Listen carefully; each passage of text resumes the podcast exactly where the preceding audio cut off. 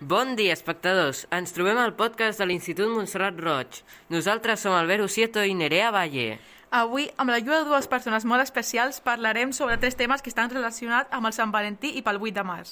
Parlarem sobre les red flags. Però abans d'això, volem introduir-vos a un altre tema molt d'actualitat, la repartició de les tasques domèstiques.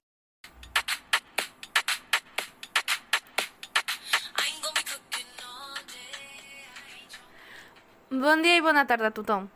Bon dia, Cristina. Ens volies parlar sobre la repartició de les tasques domèstiques, oi? Sí, el treball domèstic són les tasques que es fan per mantenir l'ordre a l'hogar. Generalment es reparteixen entre les persones que estan convivint baix al mateix sobre. Doncs, què és el que passa? Com que estereotips? Sempre s'ha dit que és la dona la que té que cuinar, netejar la casa, rentar la roba i encarregar-se de cuidar dels fills mentre l'home es queden a treballar. Però per què existeixen aquests estereotips? Quina és la història darrere d'ells? Aquests estereotips venen de quan, en temps antics, els homes diguin anar a treballar durant tot el dia, mentre les dones, que eren considerades propietats dels pares o del seu marit, es quedaven en casa a tenir cura dels nens. Per tant, la publicitat de tota mena de producte cassola anava redirigit cap a les dones. Bé, com a última pregunta, què és el que podem fer per canviar aquesta manera de pensar? Jo crec que per solucionar aquests estereotips es tenen que reparteixen les tasques domèstiques amb totes els que viuen a aquesta casa. Es tindrien que fer horaris per la neteja, per la cuina i altres coses, i així a poc a poc es disminueixen els estereotips. Encara que no es pot solucionar al 100%, sí que es pot disminuir al 95 o 99% perquè sempre hi ha algú sense informació i que viu a l'antiguitat amb aquests estereotips. Moltíssimes gràcies, Cristina. Ara que ja sabem quins són els estereotips, per què no parlem de l'estereotip més gran de tota la història de l'amor? I quin és? El fet de que les parelles han de ser de només dues persones.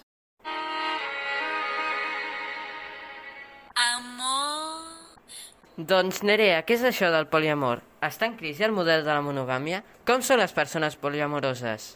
Si es pot estimar més d'un fill o més d'un amic, per què no es pot estimar més d'una parella? El poliamor és una alternativa relacional a l'estructura de la parella monògama, és a dir, de la relació de només entre dues persones, que parteix de la idea que podem estimar diverses persones alhora. No és una relació merament sexual, sinó que també té un compon d'ADN afectiu. Pot implicar compartir vacances, casa, família... Les persones no mono consideren que l'amor no té per què estar restringit, perquè si estimes algú, desitges el millor per a aquella persona i això inclou que pugui ampliar la seva vida sexoafectiva. Tot i així, emprenem pactes, acords i límits i una actitud de constant negociació i gestió de la xarxa de vincles per fer-ho possible i que ningú prengui mai. Posem les cures al centre. Quan tens més d'una parella, és més fàcil trencar amb la idea de la mitja taronja. Per exemple, ja no esperem que l'altre satisfaci totes les nostres necessitats perquè comptem amb tota una xarxa de persones amb qui compartir desitjos, pràctiques i projectes. I per tant, podem resultar així més plaents i més saludables. Quina cosa més curiosa! Moltes gràcies, Nerea. Això sí que no ho teníem en compte. Ara, per al tema que tots estaven esperant... Les relacions tòxiques. Oi, per això no s'anomenava Red Flags? Sí, sí, per això mateix hem convidat un noi que en sap molt d'aquest tema. Doneu-li la benvinguda a Emilio Alonso! Bé, Emilio, què és això de les red flags? Les red flags, també conegudes com a banderes vermelles, són indicacions de que la persona amb què estàs capaç no és tan bona persona com tu pensaves al principi de la relació. Són actituds tòxiques que es manifesten al llarg de la relació i que nosaltres capaç no les notem. Oi, però això com ho trobem nosaltres? Les podem veure en coses tan casuals com la manera que la teva parella tracta els cambrers d'un restaurant, com es comporta davant de nens o fins i tot en la manera en la que parla amb els seus amics sobre altra gent. Les xarxes socials i les cançons arriben a romantitzar-les, inclús a passar-les com per coses que tu volgués una relació. Con la vida real, aquestes actituds poden desgastar la persona i afecten moltíssim a la salut mental. Anys, però què podem fer si estem en una relació tòxica? El millor que podem fer és demanar ajuda als nostres amics, ja que ells seran capaços de veure aquestes red flags que nosaltres no detectem. Sempre és bona idea demanar la perspectiva d'altres persones per veure realment com són les coses. Generalment, l'amor ens cega. Moltíssimes gràcies, Emilio, i també a tots els que ens han escoltat. Així, esperem que us hagin entretingut aquests temes d'actualitat.